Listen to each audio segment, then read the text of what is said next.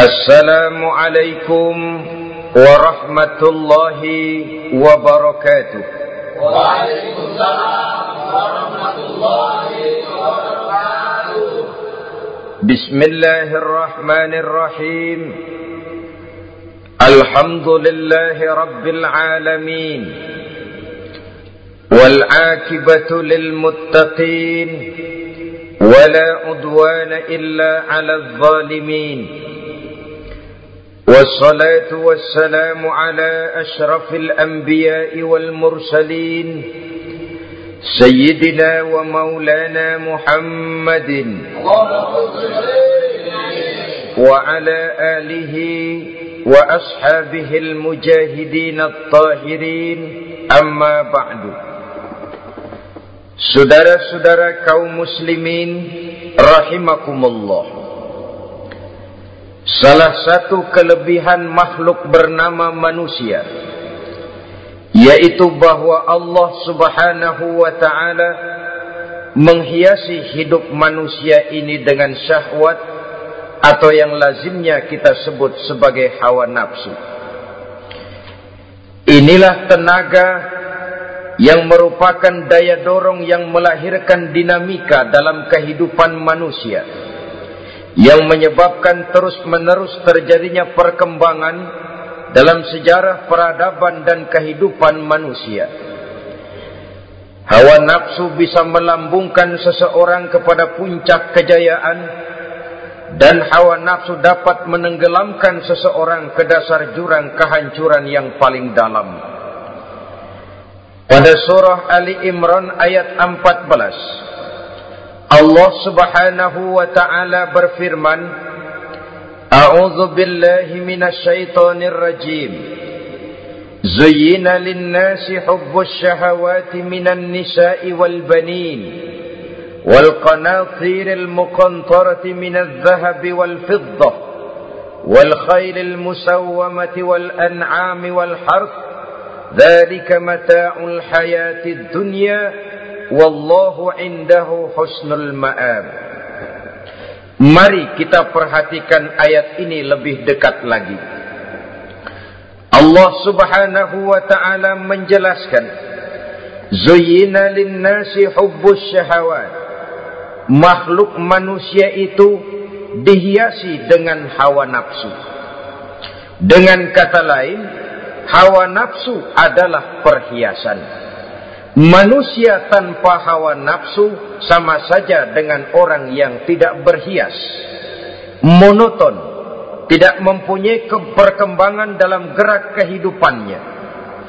Tetapi kalau hawa nafsu adalah perhiasan, maka jika kita berbicara soal perhiasan, ada dua hal yang harus menjadi catatan pokok.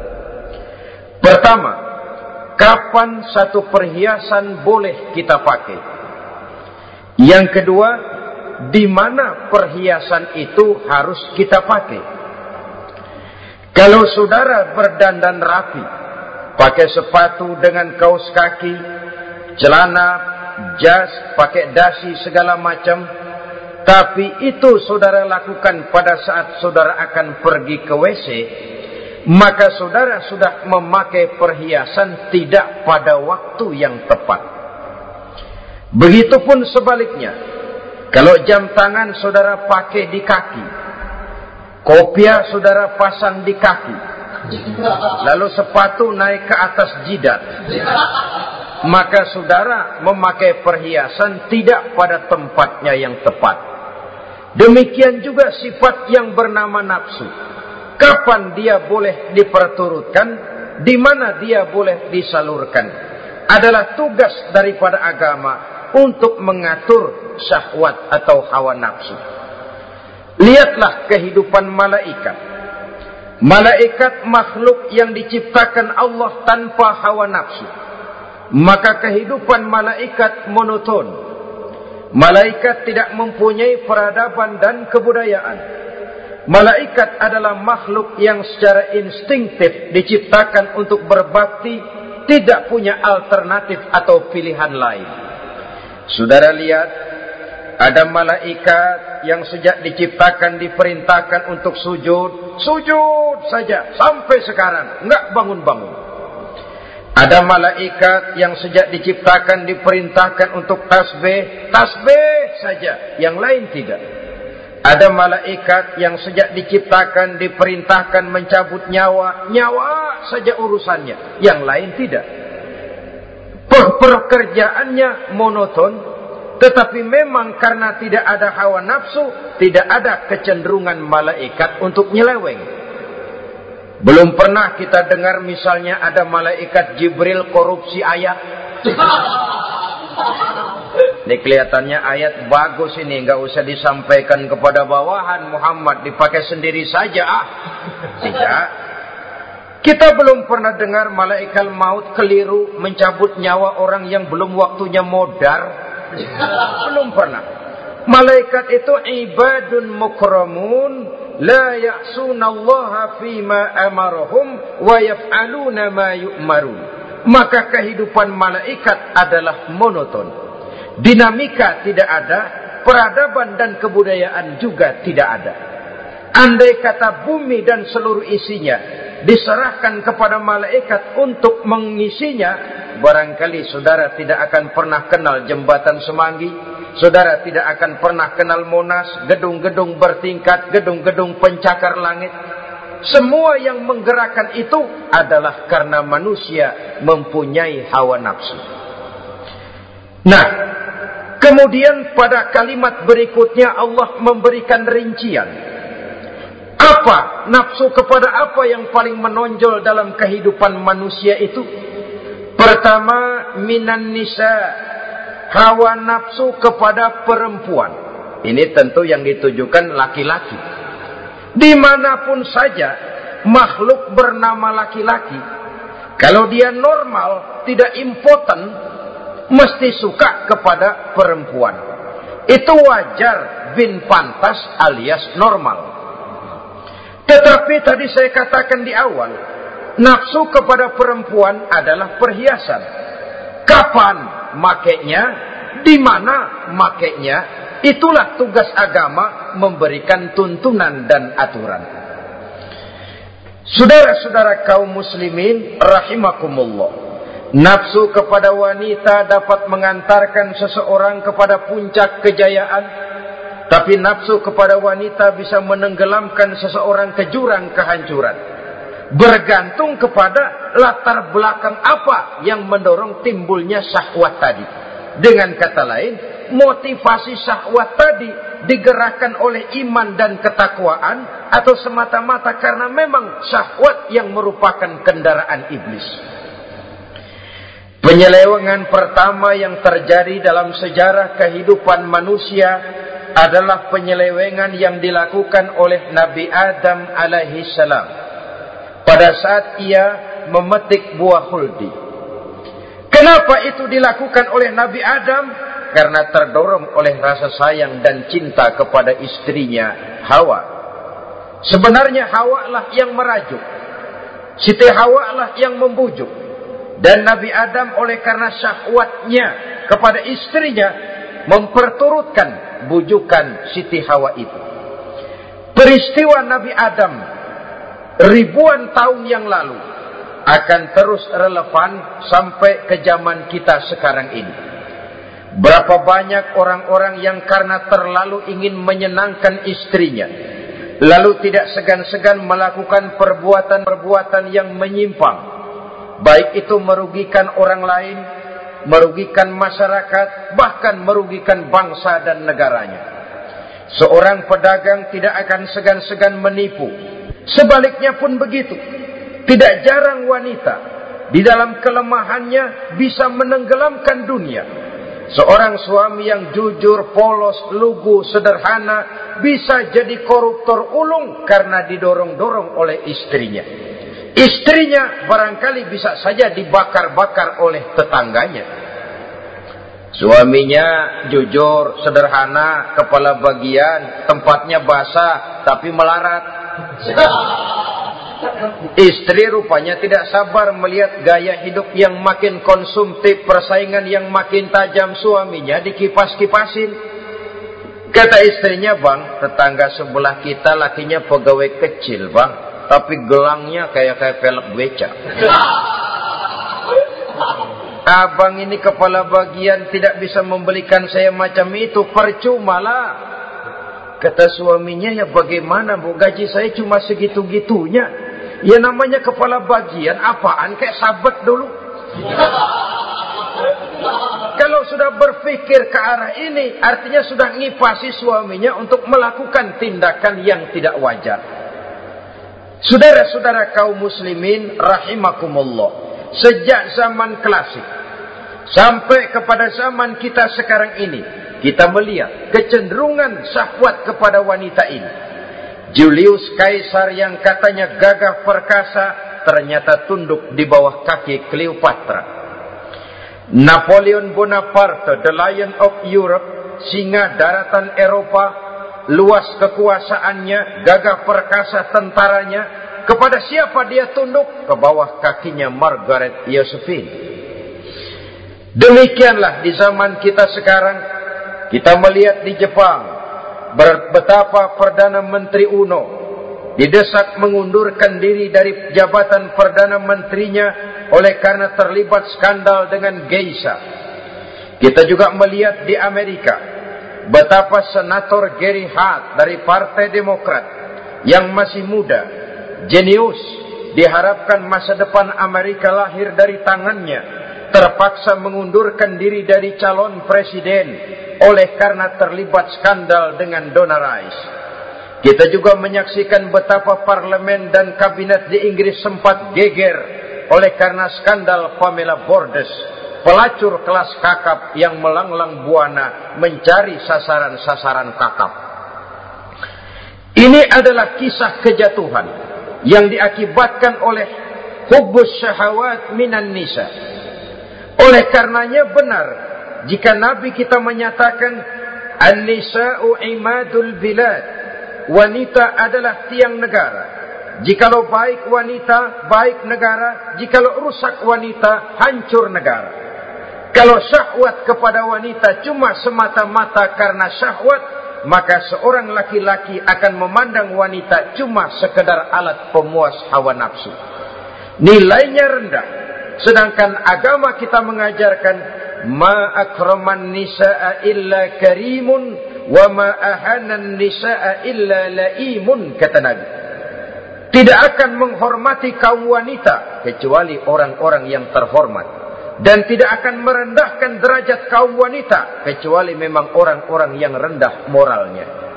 Dengan kata lain, apabila syahwat minan nisa ini dilandasi dengan semangat iman dan ketakwaan, maka kehidupan Rasulullah sallallahu alaihi wasallam sungguh menjadi figur dan contoh dalam kehidupan kita. Perkawinannya bukan karena wajah yang cantik semata-mata, tapi lebih merupakan nilai ibadah kepada Allah Subhanahu wa taala. Dengan demikian, kecenderungan kepada hubbus syahwat minan nisa dikontrol oleh nilai iman. Barometernya tolok ukurnya adalah iman. Di zaman sekarang banyak kasus kawin campur yang pada akhirnya akan membingungkan kita sendiri. Padahal Al-Quran secara jelas dan tegas memberikan bimbingan. Orang itu kalau sudah kata Imam Syafi'i, wa ainur ridho an kulli aibin kalilatun kama anna aina suhti tubdil masawiyah. Mata kalau dibalut cinta dia buta terhadap nista. Tapi mata kalau dibalut benci hanya melihat yang keji-keji saja. Biasanya cinta kepada wanita memang bisa menimbulkan dorongan yang positif. Tapi juga bisa membuat seseorang buta sama sekali. Dorongan yang positif paling kurang dari segi penampilan. Coba lihat lelaki kalau lagi demen perempuan. Lenjeh banget kan. Sisiran rambutnya rapi, teriskaan bajunya lancip, sepatunya mengkilat, kantong celananya tebel, perkara anduk isinya bukan soal. Yang penting kan gaya. Lalu dinamis, kreativitas, kreativitasnya ada saja timbul. Tapi pada sisi lain, jika orang sudah kehilangan pertimbangan, juga kadang-kadang tidak segan-segan mengorbankan akidah, mengorbankan nilai-nilai iman. Padahal ini taruhan utama sampai Quran dengan tegas memberikan peringatan. Wala amatun mu'minatun khairun min musyrikatin walau a'jabatkum perempuan budak yang hitam legam kalau beriman itu lebih baik untuk dinikahi daripada wanita cantik berkulit kulit kuning langsat tapi musyrik lebih baik budak yang hitam legam beriman daripada wanita cantik berkulit kuning langsat berhati bangsat. Tapi kita kadang kehilangan pertimbangan. Karena agama, karena cinta agama digadaikan. Karena cinta akidah terjual. Karena cinta keyakinan jadi korban. Ini semua penyakit yang datang dari hubbus syahawat minan nisa. Kecenderungan mengumbar nafsu kepada perempuan. Ini memang perhiasan, tapi bisa juga jadi bumerang dalam kehidupan manusia. Berapa banyak penyelewengan-penyelewengan terjadi karena pengaruh wanita yang tidak bisa jadi bisa. Ini pengaruh di dalam kehidupan memang sedemikian besarnya. Sehingga saudara-saudara kaum muslimin, inilah yang perlu dikendalikan dalam kehidupan kapan dan di mana. Kalau nafsu adalah perhiasan, kapan dan di mana perhiasan itu harus kita pakai. Di mana dia harus kita tempatkan. Begitu juga yang menyangkut soal perempuan. Kapan? Ya kapan? Tentu kalau sudah nikah di mana? Yang jelas bukan di depan umum.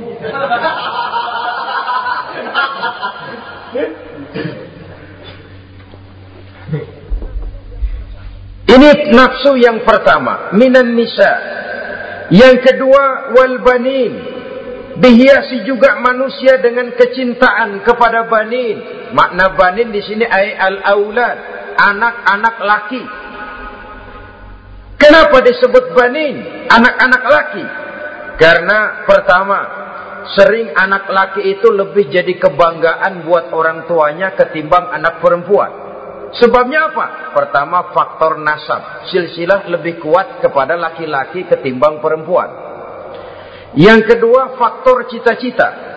Orang tua kalau punya anak laki-laki, cita-citanya panjang. Nah, kau nanti jadi dokter ya, nak jadi insinyur ya, nak jadi pilot ya, nak jadi pengusaha ya, nak jadi presiden ya. Tapi kalau dia punya anak perempuan, paling ya, nak mudah-mudahan nanti kamu dapat jodoh orang baik, nak, dapat jodoh orang soleh. Saudara-saudara, yang ketiga, anak perempuan itu kalau sudah berkeluarga, biasanya pindah kepada lingkungan keluarga lain.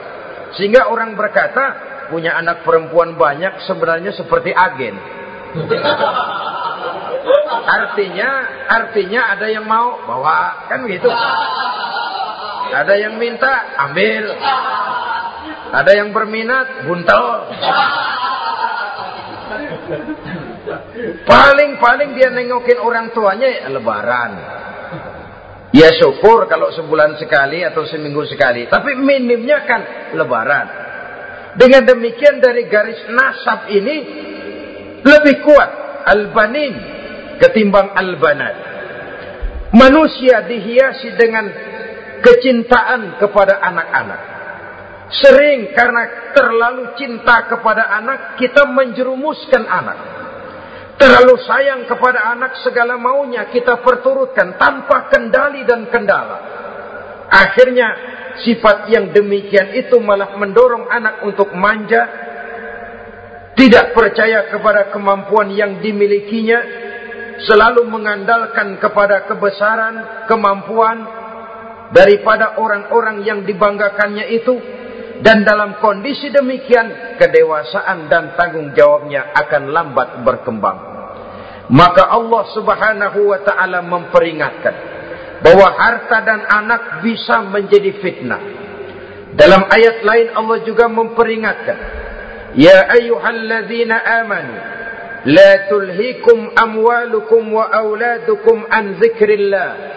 Wahai orang-orang yang beriman, jangan sampai hartamu dan anak-anakmu memalingkan kamu daripada mengingat Allah. Jangan sampai kesibukanmu kepada anak dan harta benda menyebabkan kamu sampai lupa mengingat Allah Subhanahu wa taala. Berapa banyak manusia yang tenggelam dengan melupakan Allah, jauh dari agama, jauh dari tuntunan syariat oleh karena disibukkan oleh persoalan anak dan persoalan harta benda. Maka satu-satunya jalan Jikalau kita tidak ingin anak kita sampai memalingkan kita daripada mengingat Allah, nilai-nilai keimanan harus ditanamkan kepada mereka sedini mungkin. Dengan bekal ini, maka mereka anak-anak kita insya Allah tidak akan membuat kita orang-orang tua ini berpaling daripada mengingat Allah, berpaling daripada kehidupan beragama.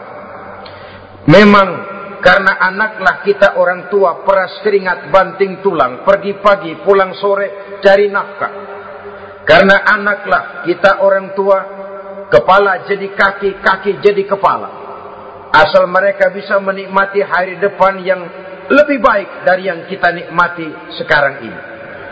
Tapi berapa banyak juga orang-orang tua yang tidak sadar akan amanah berupa anak ini. Mereka lalai mereka bersikap masa bodoh padahal tidak akan ada yang tidak dipertanggungjawabkan di hadapan Allah Subhanahu wa taala. Orang tua bisa mendapat pensiunan pahala kalau anaknya tumbuh menjadi anak yang soleh. Tetapi orang tua pun bisa saja masuk neraka karena anaknya menjadi anak yang kurang ajar dan orang tuanya sama sekali tidak pernah memberikan pendidikan yang sebagaimana mestinya. Saudara-saudara kaum muslimin rahimakumullah.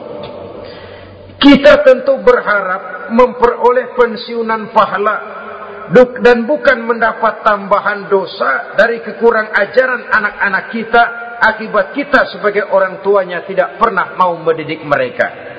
Dalam hadis ada diriwayatkan ada anak kurang ajar, sembahyang tidak, puasa ibadah tidak, kenal Allah tidak, beriman pun tidak, dosa kelewat banyak, kejahatan berkarat. Di akhirat nanti disidang dia. Ditanya, kamu kenal siapa Tuhanmu? Tidak. Kamu tahu siapa nabimu? Tidak. Kitab sucimu apa? Tidak tahu. Kiblatmu di mana? Tidak ada. Kamu sholat? Tidak pernah. Kamu puasa? Tidak pernah. Wah, kalau begitu kamu rusak sekali. Kamu neraka. Anak ini mengajukan protes. Saya menuntut keadilan. Benar saya tidak kenal siapa Tuhan saya. Saya tidak tahu apa kitab suci saya. Saya tidak pernah mendirikan sholat. Tidak pernah melaksanakan puasa pendeknya tidak ibadah dan tidak iman. Tapi semua itu terjadi sebab-sebabnya tidak lain karena orang tua saya tidak pernah mendidik dan mengajarkan saya. Orang tua saya tidak pernah mengarahkan saya ke jalan itu. Sampailah saya seperti keadaan yang sekarang ini. Orang tua saya enak-enakan ngaji, saya teler diantepin aja. Orang tua saya memegang kitab, saya megang botol. Dia tahu, dia diam saja. Dia tahu dan dia tidak memberikan peringatan. Karena orang tua saya lah, maka saya jadi seperti sekarang ini. Kalau saya harus masuk ke dalam neraka, saya menuntut keadilan agar orang tua saya juga ikut bersama saya gabung ke dalam neraka. Orang tuanya yang baik-baik dipanggil. Sudah mau berangkat ke sorga nih orang tua. Dipanggil. Ntar dulu mas, ini dulu. Oh ke mana kancang banget. Surga pak. Nanti dulu urusan belum beres. Ini benar anakmu ini. Dilihat anaknya. Iya, iya anak saya ini. Waktu di dunia nggak pernah diajarin ngaji. Nggak pernah. Sampai dia nggak kenal Tuhannya. nggak kenal nabinya. nggak kenal kiblatnya. nggak kenal kitabnya. Iya. Dia sembahyang, kamu diam nggak dia nggak sholat, kamu diamin aja. Iya kali. Kenapa pakai kali? Yang benar ngomong. Ramadan dia nggak puasa, kamu nggak tegur, kamu diam saja. Iya. Wah, kamu nggak tanggung jawab. Kamu tahu anak itu adalah amanah. Menyia-nyiakan amanah adalah khianat. Khianat adalah dosa besar. Jadi bagaimana saya? Ya kamu gabung sama anakmu, join ke neraka berdua bareng. Lantaran kamu tidak mau mendidik mereka, anak-anakmu, maka jadilah anak-anakmu seperti sekarang ini. Saudara-saudara kaum muslimin rahimakumullah. Sebaliknya, jikalau anak-anak kita yang kita cintai ini yang merupakan buah hati belahan jantung, tumbuh dan berkembang menjadi anak-anak yang soleh, yang bermanfaat bagi masyarakatnya, bagi agama, bangsa dan negaranya, kita orang tuanya bolehlah tentram menerima pensiunan pahala menerima pensiunan pahala dari kesolehan anak yang ditinggalkannya. Alangkah nikmatnya mendapat pensiunan pahala. Terbaring kita di bawah pohon kemboja. Nilai kebaikan kita dikenal orang. Nama kita akan tetap hidup. Oleh karena kita meninggalkan anak-anak yang tumbuh menjadi generasi yang soleh. Bukan anak yang salah. Oleh karenanya kecintaan kepada anak jangan sampai membuat kita lalai dari mengarahkan mereka kepada kehidupan beragama.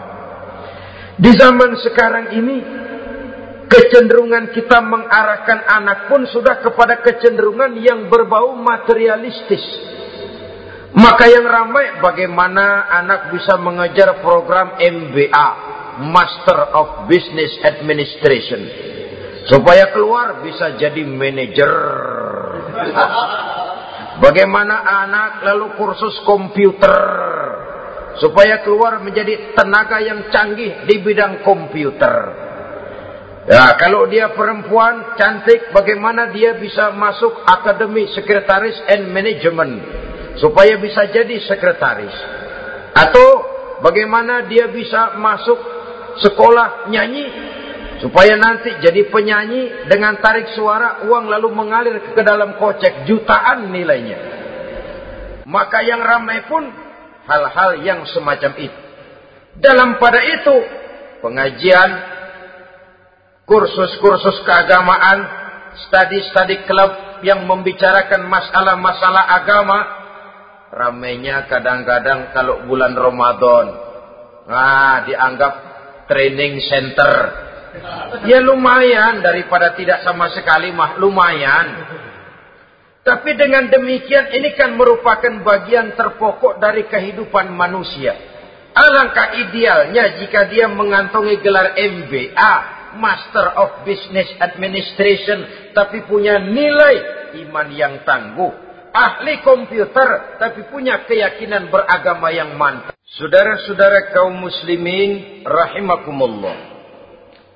Kecintaan kepada anak-anak sering mendorong seseorang untuk menimbulkan sifat nepotisme. Segalanya serba garis keturunan. Sejak ia jalur birokrasi sampai ke dalam kehidupan sehari-hari, nepotisme ini bisa terlihat. Orang kehilangan kondisi objektivitasnya. Mampu atau tidak, soal lain bidangnya atau tidak bukan soal. Yang penting masih ada hubungan keturunan. Maka timbullah tumpang tindih untuk sesuatu pekerjaan yang tidak sesuai dengan kemampuan dan keahliannya. Di desa-desa kita melihat masjid, ketua masjid bapaknya, bendahara anaknya, sekretaris mantunya, Bilal besannya, kol beduk engkongnya. Pokoknya asal masih ada garis keturunan, masuk. Tidak, minggir. Ini pada akhirnya kurang menciptakan pemerataan kesempatan. Iyalah kalau profesinya, tapi kan jarang yang demikian itu. Kita boleh cinta kepada anak-anak kita, tapi jangan lalu mempergunakan posisi yang kebetulan kita gunakan untuk menempatkan anak-anak kita lebih dari kemampuan yang mereka miliki nepotisme yang lahir. Sehingga ini bukan saja tidak mendidik, tapi mengakibatkan terjadinya tumpang tindih. Tidak lagi berprinsip the right man on the right job. Bahwa orang harus ditempatkan sesuai dengan keahliannya. Tapi kita sudah berpikir subjektif. Ahli atau tidak ahli, asal masih berbau keturunan, ayo silakan. Nepotisme yang akan lahir. Oleh karenanya, Mencintai anak adalah sesuatu yang merupakan perhiasan di dalam kehidupan. Wajar tetapi harus kita menempatkannya sesuai dengan semestinya. Ini yang kedua. Yang ketiga, nafsu yang menghiasi hidup manusia itu adalah nafsu kepada wal qanatiril muqantarati minadh dhahabi wal fiddah Al-qantarah ay al-malul kathir. Kecintaan, kesenangan, nafsu kepada harta benda yang banyak daripada emas dan perak. Ini tentu sesuai dengan situasi dan kondisi. Kecintaan untuk mengumpulkan harta benda yang sebanyak-banyaknya. Baik itu berupa emas, baik itu berupa perak. Ini cuma penyebutan beberapa jenis dari kecenderungan manusia kepada harta benda. Bukankah sering dikatakan orang bahwa manusia di dalam berhadapan dengan harta itu seperti meminum air laut. Makin diminum, makin kering tenggorokan, makin haus kita dibuatnya. Apabila watak ini kita perturutkan, maka manusia tidak akan pernah kenal puas, tidak akan pernah kenal cukup. Nabi kita memberikan peringatan. Lau anna libni Adam wadiyani min zahabin labtagha lahu mathalisan wa la yamla'u jawfa ibn Adam illa turab. Andai kata manusia mempunyai dua buah ladang yang seluruhnya berisi emas, akan puaskah manusia? Tidak. Mereka akan cari ladang emas yang ketiga. Wala yamla'u ibni Adam illa turab. Sungguh mulut manusia ini tidak akan pernah penuh terisi kecuali kalau sudah disumpal dengan tanah. Artinya kalau sudah dia dipendam di liang lahat baru cukup. Tetapi sepanjang dia masih bergerak, masih hidup dan bernyawa, masih bisa berusaha dan berbuat, dia tidak akan pernah mengenal puas. Ini akan mendorong manusia terjebak kepada menghalalkan segala cara untuk mencapai tujuan. Yang penting kaya, kan begitu. Dan dan cepat. Sebab sekarang orang sering motong kompas. Yang penting kan cepat kaya. Soal cara, kalau jujur aja mah, sampai kapan mau kaya? Perkara itu renten, bukan soal perkara itu judi tidak jadi masalah. Perkara itu korupsi menyangkut hak orang banyak bukan soal. Yang penting cepat kaya. Dan anehnya lagi tidak malu menumpuk kekayaan dengan cara yang tidak wajar. Ya kan orang hidup bermasyarakat tuh bisa dianalisa tuh. Emang usahanya apa sih? Gajinya sebulan berapa sih? Kok bisa gitu-gitu bener sih? Dari mana sih? Secara langsung orang tidak berani bertanya, tapi dari mulut ke mulut akhirnya tersebar jadi rahasia umum. Si Ano kan punya Ano, dia Ano, Anonya seano.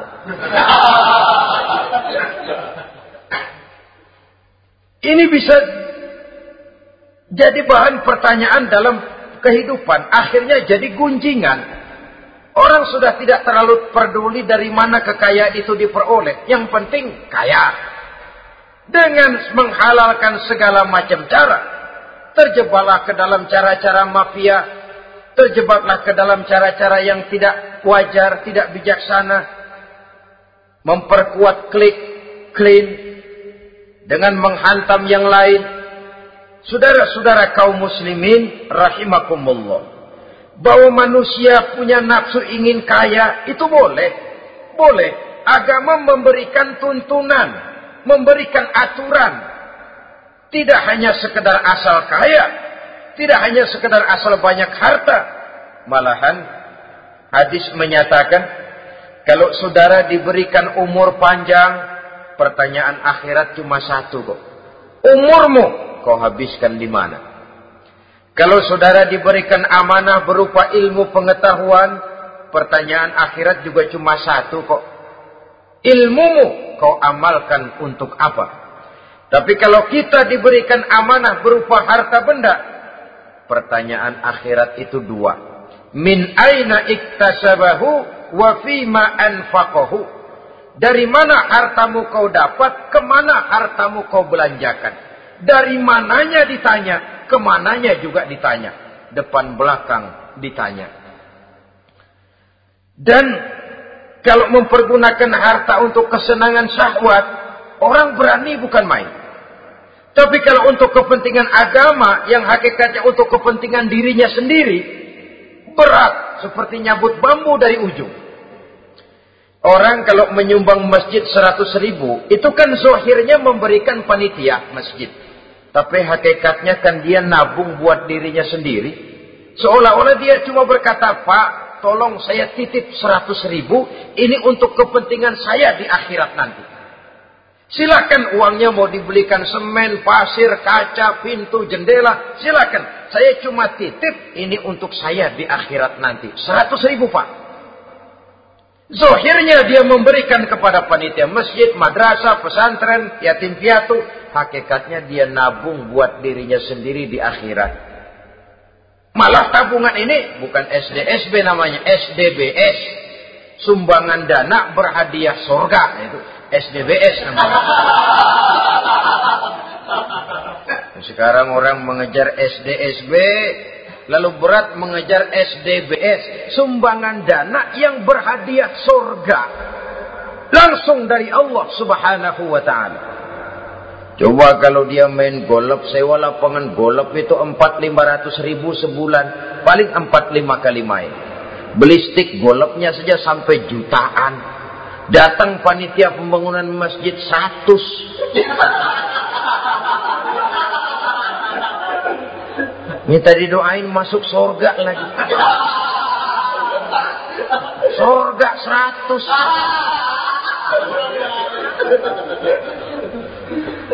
Saudara-saudara kaum muslimin rahimakumullah. Kecintaan kepada harta benda yang banyak. Baik berupa emas, berupa perak. Mendorong orang untuk berlomba-lomba yang Allah peringatkan dalam Al-Quran. Al-Hakumut Takathur hatta zurtumul maqabir. Kamu telah lalai akibat kamu berlomba-lomba memperbanyak materi dunia. Hatta zurtumul maqabir sampai kamu dekat masuk ke liang kubur. Baru rupanya sadar bahwa perlombaan ini tidak akan pernah sampai ke garis finish. Betapapun jauhnya rally Paris Dakar, garis finishnya ada betapapun hebatnya medan yang ditempuh buasnya gurun pasir Afrika garis finishnya pasti ada itu kan rally yang terbuas di dunia katanya Paris Dakar tapi garis finishnya ada namun jikalau kita berlomba memperbanyak harta kita tidak akan pernah sampai ke garis finish yang kecil-kecilan aja dah kalau orang ditanya kamu kenapa sih belum mau sembahyang? Ya, bagaimana mau sembahyang, Pak? Tinggal di Jakarta masih kontrak. Saban habis tahun diubur-ubur yang punya rumah. Ah, kalau punya rumah sendiri walaupun kecil-kecilan saya mau ibadah pak. Ya, diberikan rezeki oleh Allah. Bisa bikin rumah walaupun kecil-kecilan. Belum juga mau sembahyang. Kok belum juga sembahyang? Iya pak, rumah emang udah punya sendiri. Cuman kecil pak. Atasnya atap kalau hujan aja bocor.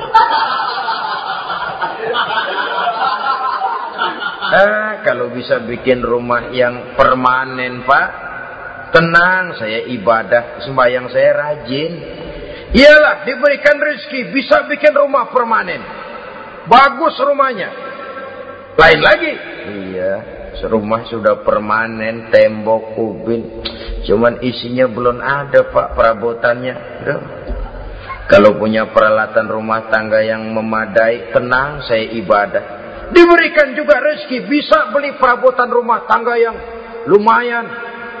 Di atas tehelnya sudah pakai karpet, mebelnya spaghetti, tempat tidurnya alga spring bed, dan lopilo, ada kulkas, ada TV, di sebelah TV ada kunci mobil. Kuncinya mobilnya.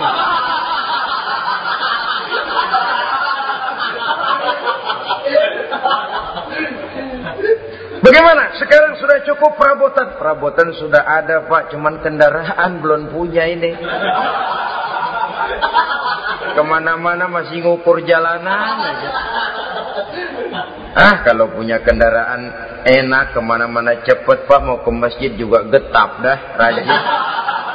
Diberikan rezeki, bisa beli kendaraan. Lain lagi nanti. Sudah punya sepeda, pengen punya motor, punya motor, kepengen punya mobil, punya mobil, kepengen punya pesawat terbang, punya pesawat terbang, pengen punya kapal induk. Sudah punya kebun, pengen beli sawah, sudah punya sawah, pengen punya gunung, sudah punya gunung, laut diborong. Perlombaan materi tidak akan pernah membawa kita ke garis finish. Karena sifatnya sangat abstrak, bahkan akan mendorong kita seperti gurita. Cenderung kepada penyakit tamak bin rakus alias serakah. Dengan demikian saudara-saudara, bahwa kecintaan kepada harta merupakan nafsu dan nafsu itu adalah perhiasan, dia bisa menjadi daya dorong positif. Kalau dalam upaya memperoleh harta itu kita tidak akan keluar dari tujuan keridhaan Allah. Saya cari nafkah, tapi yang Allah ridho. Saya ingin kaya, tapi dengan cara yang Allah ridho. Ini kunci yang akan menyelamatkan kita manusia dari perangkap menghalalkan segala cara. Ini yang ketiga. Yang keempat, dihiasi manusia itu dengan nafsu kepada wal khailil musawwamah. Kuda yang bagus, kendaraan yang bagus, kuda yang terpelihara. Al-musawwama ada yang mentafsirkan ar-ra'iyah. Ar-ra'iyah itu yang digembalai, binatang ternak kuda yang digembalai atau kuda yang diikat. Artinya, kalau dulu kan yang namanya tuan-tuan tanah itu baru dibilang bejeger kalau ke mana-mana naik kuda. Ah, jet set zaman dulu itu. Itu udah kelompok jet set itu kendaraan. Kalau sekarang baby benda. Dulu mah kuda band.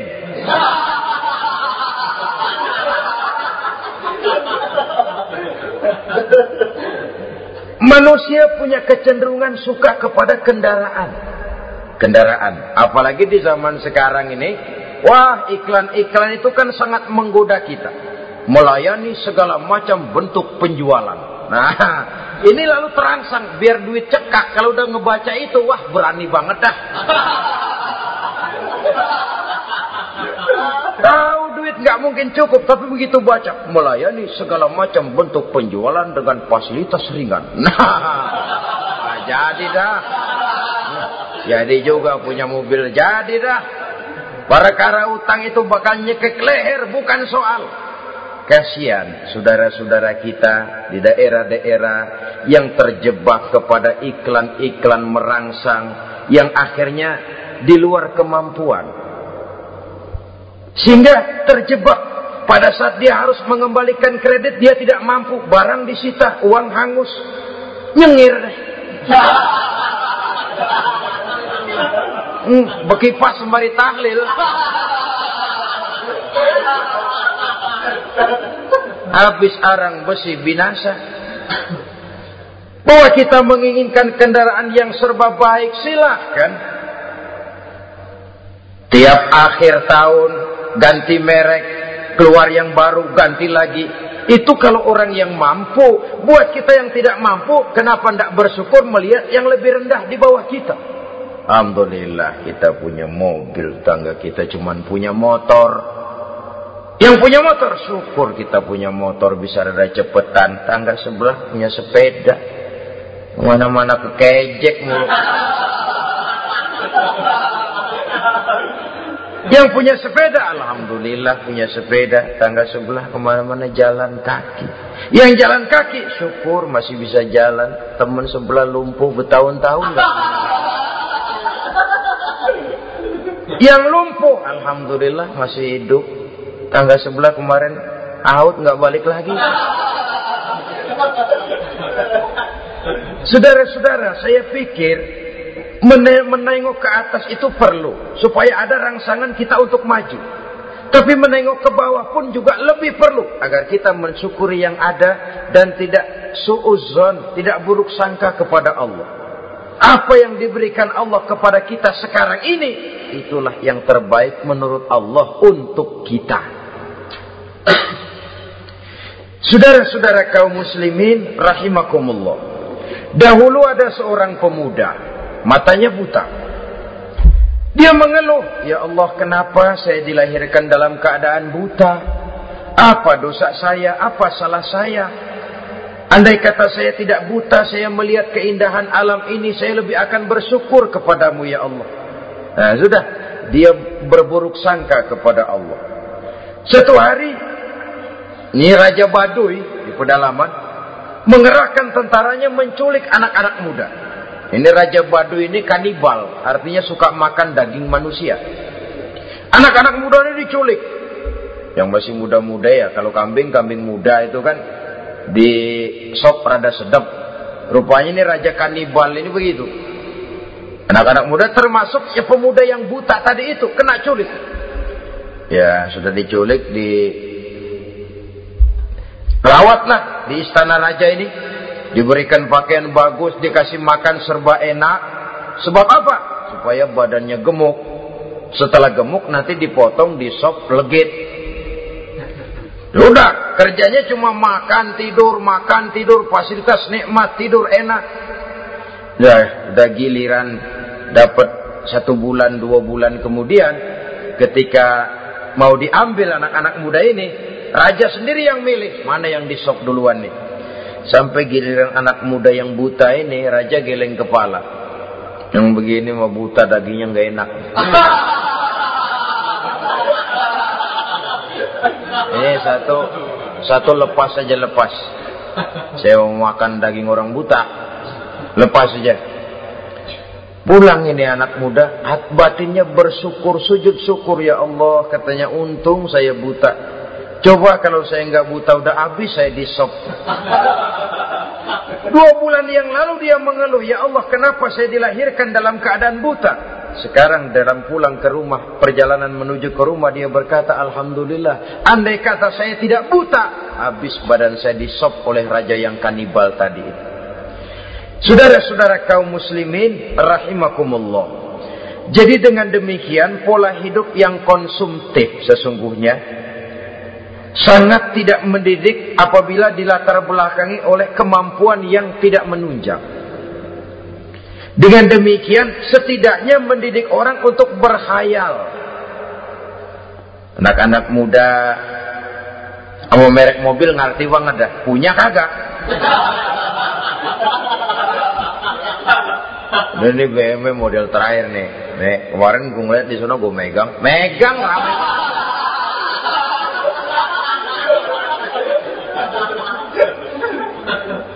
Tulul amal ini kalau kalau tidak diimbangi dengan saluran yang positif, dia akan terjebak kepada penyakit tulul amal, panjang angan-angan. Baiklah ya, wal khailil musawwama. Yang keempat, yang kelima maksud saya, wal an'am, cinta kepada binatang ternak. Manusia ini kan punya kecenderungan macam-macam setelah rumahnya bagus, hartanya banyak, kendaraannya cukup, ingin beternak. Jadilah peternak. Ini kecenderungan manusia, wajar saja sepanjang didapat dan dilakukan dengan cara-cara yang wajar.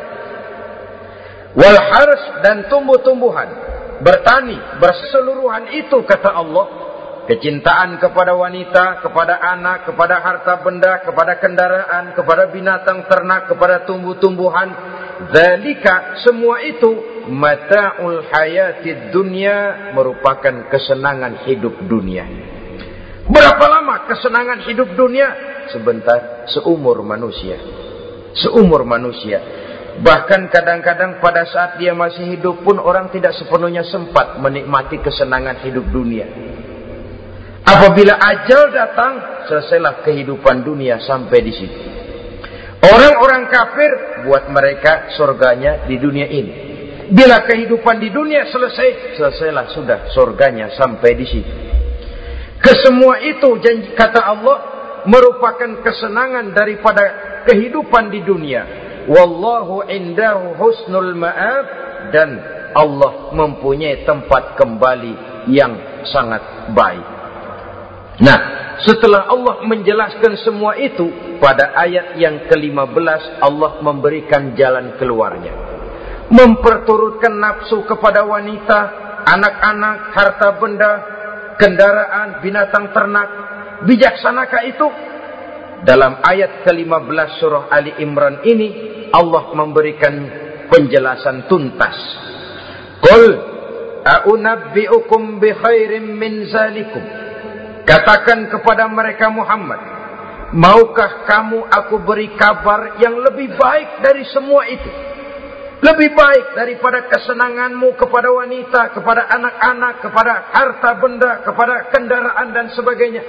Mau kamu aku beritahu yang lebih baik daripada semua itu? Jawaban tentu mau.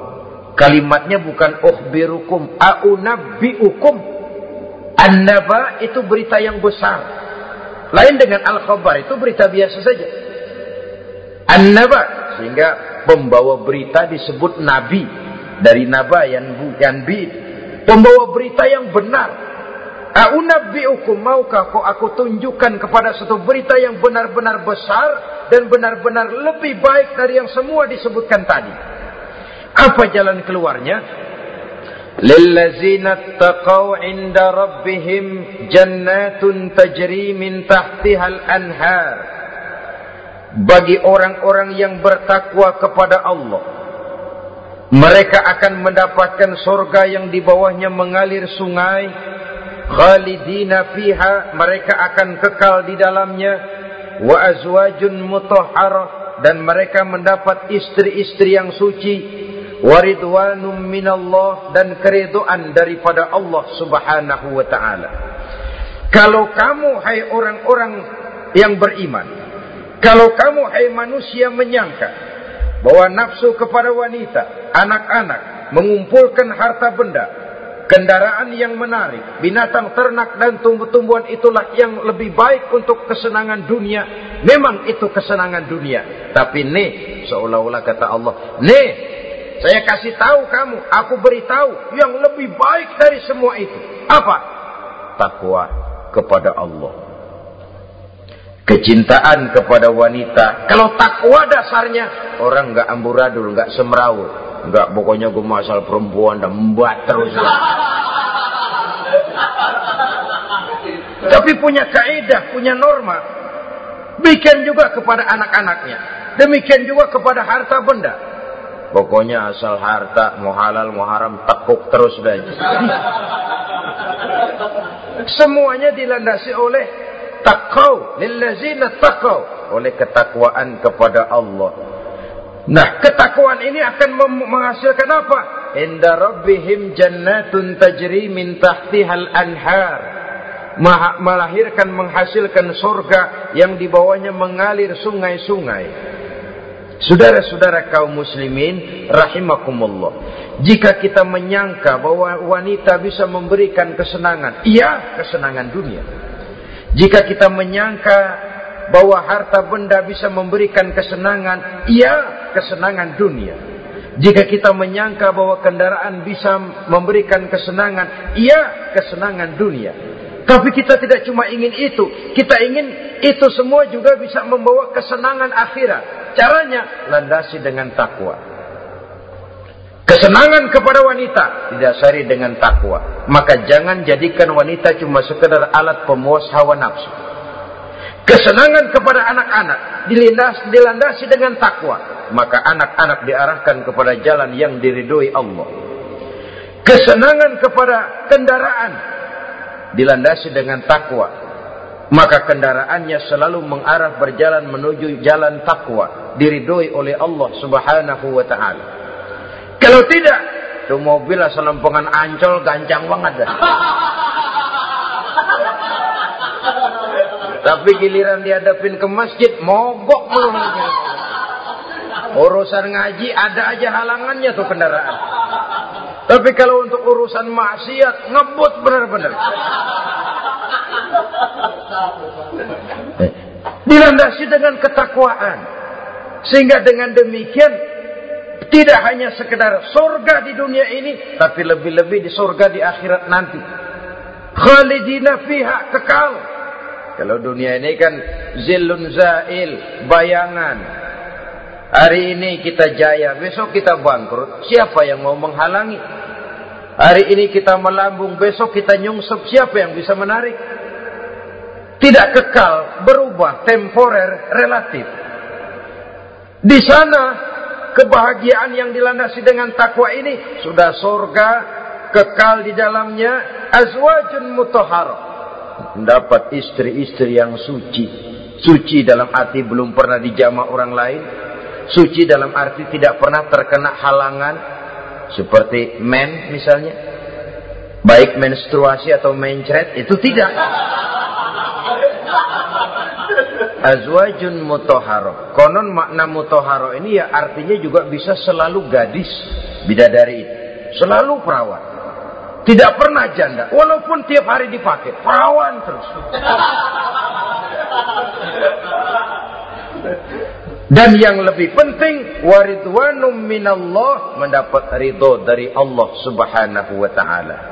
Jadi hawa nafsu dengan motivasi takwa Itulah sesungguhnya yang dikehendaki oleh Ali Imran ayat 14 dan 15 Dengan demikian manusia dengan ketakwaannya mengendalikan hawa nafsu dan bukan malah dikendalikan oleh hawa nafsunya. Sehingga dengan demikian seluruh fasilitas yang dimilikinya baik itu berupa istri, anak, kendaraan, binatang ternak, harta benda, uh, tanam-tanaman, seluruhnya semakin meningkatkan ketakwaannya kepada Allah Subhanahu wa taala.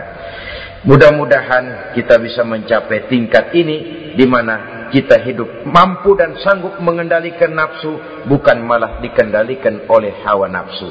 Terima kasih dan mohon maaf. Wassalamualaikum warahmatullahi wabarakatuh. Waalaikumsalam warahmatullahi wabarakatuh. Tawa berladang itu merupakan kecenderungan daripada manusia.